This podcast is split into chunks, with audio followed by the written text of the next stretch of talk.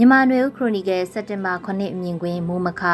စစ်ကောင်စီဖြုတ်ချရေးတိုက်ပွဲခေါ်တန်တစ်နှစ်ပြည့်မြောက်တဲ့နေ့လို့အမည်ရတဲ့မိုးမခဆောင်းပါဖြစ်ပါတယ်။ယမန်နှစ်ဦးစစ်တပ်အာဏာသိမ်းပြီးတဲ့နောက်လအနေငယ်အကြာမှာနေဆက်ဒေသနဲ့တစ်ဖက်ထိုင်းနိုင်ငံနဲ့အခြေစိုက်တဲ့အမျိုးသားညီညွတ်ရေးအစိုးရ NUG ကိုဖွဲ့စည်းခဲ့ကြပါတယ်။အဲ့နောက်မကြခင်မှာပဲ PDF ဆိုတဲ့ NUG ရဲ့လက်နက်ကင်တပ်ဖွဲ့အဖြစ် PDF ကိုဖွဲ့စည်းခဲ့တာဖြစ်ပါတယ်။ PDF ဖွဲ့စည်းခဲ့တာ 2021ခုနှစ်မေလမှာဖြစ်ပြီးအဲ့ဒီနှစ်စက်တင်ဘာလ9ရက်နေ့မှာတော့စစ်ကောင်စီဖြုတ်ချရေးအတွက်အရေးပေါ်အခြေအနေကြေညာပြီးအုံကြွခုခံစစ်ဆင်နွှဲဖို့အများအခေါ်တော့ D-Day လို့ဆိုတာကို NUG အစိုးရအဖွဲ့ယာယီသမရဖြစ်သူဒူဝါလက်ရှိလာကကြေညာခဲ့တာဖြစ်ပါတယ်။ ဒီနေ့ဆိုရင်တိုက်ပွဲခေါ်တန်ကြေညာတဲ့နေ့ကစလို့တနစ်တိတိပြည့်မြောက်တဲ့နေ့ဖြစ်ပြီးနိုင်ငံရေးစစ်ရေးရည်မှန်းချက်ဘယ်လောက်ပေါက်မြောက်ခဲ့သလဲလူမှုအနေနဲ့ NUG အနေနဲ့နိုင်ငံအနေနဲ့ဘာတွေအကျိုးမြတ်ရခဲ့ပြီးဘာတွေဆုံးရှုံးခဲ့တယ်လဲဆိုတာပြန်လည်သုံးသပ်ရမယ့်အချိန်ကာလဖြစ်ပါတယ်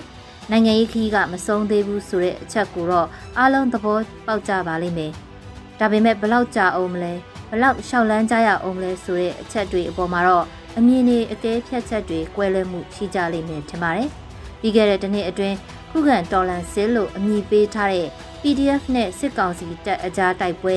မြို့ပြပျောက်ကြားလို့ခေါ်ဆိုကြတဲ့မြို့ပေါ်မှာချောင်းမြောင်းပစ်ခတ်တာလောက်ကျန်တပ်ဖြတ်တာပုံခွဲတာစစ်ကောင်စီကင်းစခန်းကိုပစ်ခတ်တာရုံးတွေစစ်တပ်ကင်းစခန်းချရာရုံးတွေအဆောက်အုံတွေကိုဘုံထောင်တာစတဲ့တိုက်ခိုက်မှုပေါင်းရာထောင်ချီဖြစ်ပွားခဲ့ပြီး စစ်ကောင်စီဘက်ကလည်းတေဆုံးမှုရှိသလို PDF ဘက်ကလည်းတေဆုံးမှုတွေရှိခဲ့တာဖြစ်ပြီးစစ်အာဏာသိမ်းတဲ့အချိန်ကစလို့ယမန်နှစ်စက်တင်ဘာလအထိတင်အရက်သားတထောင်ကျော်တေဆုံးပြီးဖြစ်သလိုဒီနေ့နောက်တစ်နှစ်ကျော်ကြာအချိန်မှာတော့အရက်သားတေဆုံးမှုဟာ2000ကျော်ရှိနေပြီဖြစ်ပါတယ်။တစ်ဖက်မှာလည်းစစ်ကောင်စီတောက်တိုင်း သတင်းပေးလို့ဆွဆွဲကလှုပ်ကြံတပ်ဖြတ်မှုတွေကြောင့်စစ်ကောင်စီထောက်ခံသူနဲ့ကြန့်ခိုင်ရေးပါတီဝင်တွေတဲကအနည်းဆုံး2000အထက်သေဆုံးပြီးဖြစ်တယ်လို့၎င်းတို့ဘက်ကထုတ်ပြန်ထားတာတွေ့ရပါတယ်။အသက်သေးကျေဆုံးရှုံးမှုတွေအပြင်စစ်ဘေးရှောင်ဒုက္ခသည်တွေကပြီးခဲ့တဲ့တစ်နှစ်ကျော်အတွင်းမှာ9သိန်းကျော်တိုးလာပြီး ရခိုင်စစ်အာဏာမသိမ်းမီကရှိပြီးသားဒုက္ခသည်အရေးအတွက်နဲ့ပေါင်းလိုက်ရင်တသန်း3သိန်းကျော်ရှိနေပြီဖြစ်ပါတယ်။ဒီကိန်းဂဏန်းမှာမြန်မာနိုင်ငံရခိုင်ပြည်နယ်ကနေဘင်္ဂလားဒေ့ရှ်နိုင်ငံကိုထွက်ပြေးခိုလုံနေကြရတဲ့ ရိုဟင်ဂျာဒုက္ခသည်9သိန်းမှတသန်းအကြားရှိတဲ့အရေးအတွက်မပါဝင်သေးပါဘူး။အားလုံးပေါင်းလိုက်ရင်ဒုက္ခသည်2တန်းကျော်ရှိပြီဖြစ်လို့လူဦးရေတန်း90ကျော်ရှိတဲ့မြန်မာနိုင်ငံအဖို့လူ25ဦးမှာတဦးကစစ်ဘေးရှောင်ဒုက္ခသည်ဖြစ်နေတဲ့အတိတ်ပဲလေးဖြစ်ပါတယ်။လူအသက်သေဆုံးမှုတွေစစ်ဘေးရှောင်ရတဲ့ဒုက္ခသည်ကိန်းဂဏန်းတွေအပြင်မြန်မာနိုင်ငံမှာနောက်ထပ်စည်ရင်းမှတ်တမ်းတင်ရမယ့်အရေးအတွက်တစ်ခုက နေအိမ်တွေမီးရှို့ခံရတဲ့အရေးအတွက်ဖြစ်ပါတယ်။နေအများစုကိုမီးရှို့ဖျက်ဆီးတာကစစ်ကောင်စီတပ်တွေရဲ့လက်ချက်ဖြစ်ပြီးအ ਨੇ အချင်းသောအရေးအတွက်တွေက PDF လက်နက်ကင်အဖွဲ့တွေကတစ်ဖက်စစ်ကောင်စီထောက်ခံတဲ့ပြည်သူစစ်တွေရဲ့နေအိမ်လိုမျိုးကိုမီးရှို့တာဖြစ်ကောင်းဖြစ်နိုင်ပါတယ်။နေအိမ်မီးရှို့တဲ့ဖြစ်ရတဲ့ပတ်သက်လို့စစ်ကောင်စီကဘယ်တော့မှတရားဝင်ဝန်မခံပေမဲ့ဒီလိုနေအိမ်တွေဖျက်ဆီးတာကျေးရွာတွေဖျက်ဆီးတာရိတ်ခါယူဆောက်တာ ဒါမှမဟုတ်ဖျက်ဆီးတာကိုစစ်ရေးနီးပရိရဲ့တရက်အနေနဲ့လှုပ်ဆောင်ခဲ့တာအစဉ်အဆက်ပြည်တွင်းစစ်တွေရခိုင်ပြည်နယ်ကရိုဟင်ဂျာကျေးရွာတွေမှာကျူးလွန်ခဲ့ကြတာဖြစ်ပါတယ်။ဒီစစ်ပွဲတွေရဲ့အကျိုးဆက်ဖြစ်တဲ့လူအသက်တွေဆုံးရှုံးတာရက်ရွာပျက်စီးတာကျေးရွာတွေမီးလောင်ပျက်စီးတာအသက်မွေးဝမ်းကြောင်းဖြစ်တဲ့ဆက်ပြိုးရေးမွေးမြူရေးကုံသွဲရောင်းဝယ်ရေးတွေမလုပ်ကိုင်နိုင်တော့တဲ့အခြေအနေကြောင့်မကြခင်မှာစားနပ်ရိက္ခာရှားပါမှုအငတ်ဘေးလိုမျိုးနဲ့ရင်ဆိုင်ကြုံတွေ့ရနိုင်ခြေလည်းရှိပါတယ်။ NUG အနေနဲ့လက်နက်ကင်တိုက်ပွဲလမ်းကြောင်းကိုရွေးချယ်ပြီးနောက်မှာစစ်ကောင်စီဖြုတ်ချရေးတိုက်ပွဲဟာ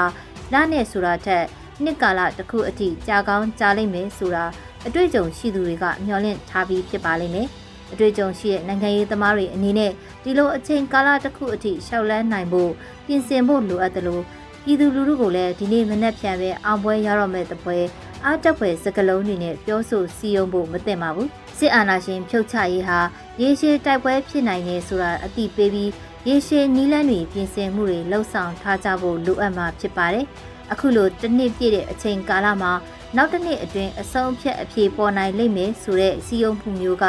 စိတ်အားတက်ကြွစရာကောင်းပေမဲ့နောက်တစ်နှစ်ကြာလို့အပိသက်ဖြုတ်မချနိုင်သေးခဲ့ရင် လူမှုအနေနဲ့၎င်းတို့ကိုနိုင်ငံရေးခေါင်းဆောင်တွေကလှည့်စားတယ်လို့ယူဆလာနိုင်စရာရှိသလိုခေါင်းဆောင်တွေအနေနဲ့အမှန်တကယ်အောင်ပွဲရမယ်လို့ယုံကြည်ထားခဲ့ပြီးလက်တွေ့ဖြစ်မလာခဲ့ရင်ခေါင်းဆောင်မှုညံ့ပြင်းတဲ့အချက်ကိုဖော်ပြသလိုဖြစ်စေလိမ့်မှာဖြစ်ပါတယ်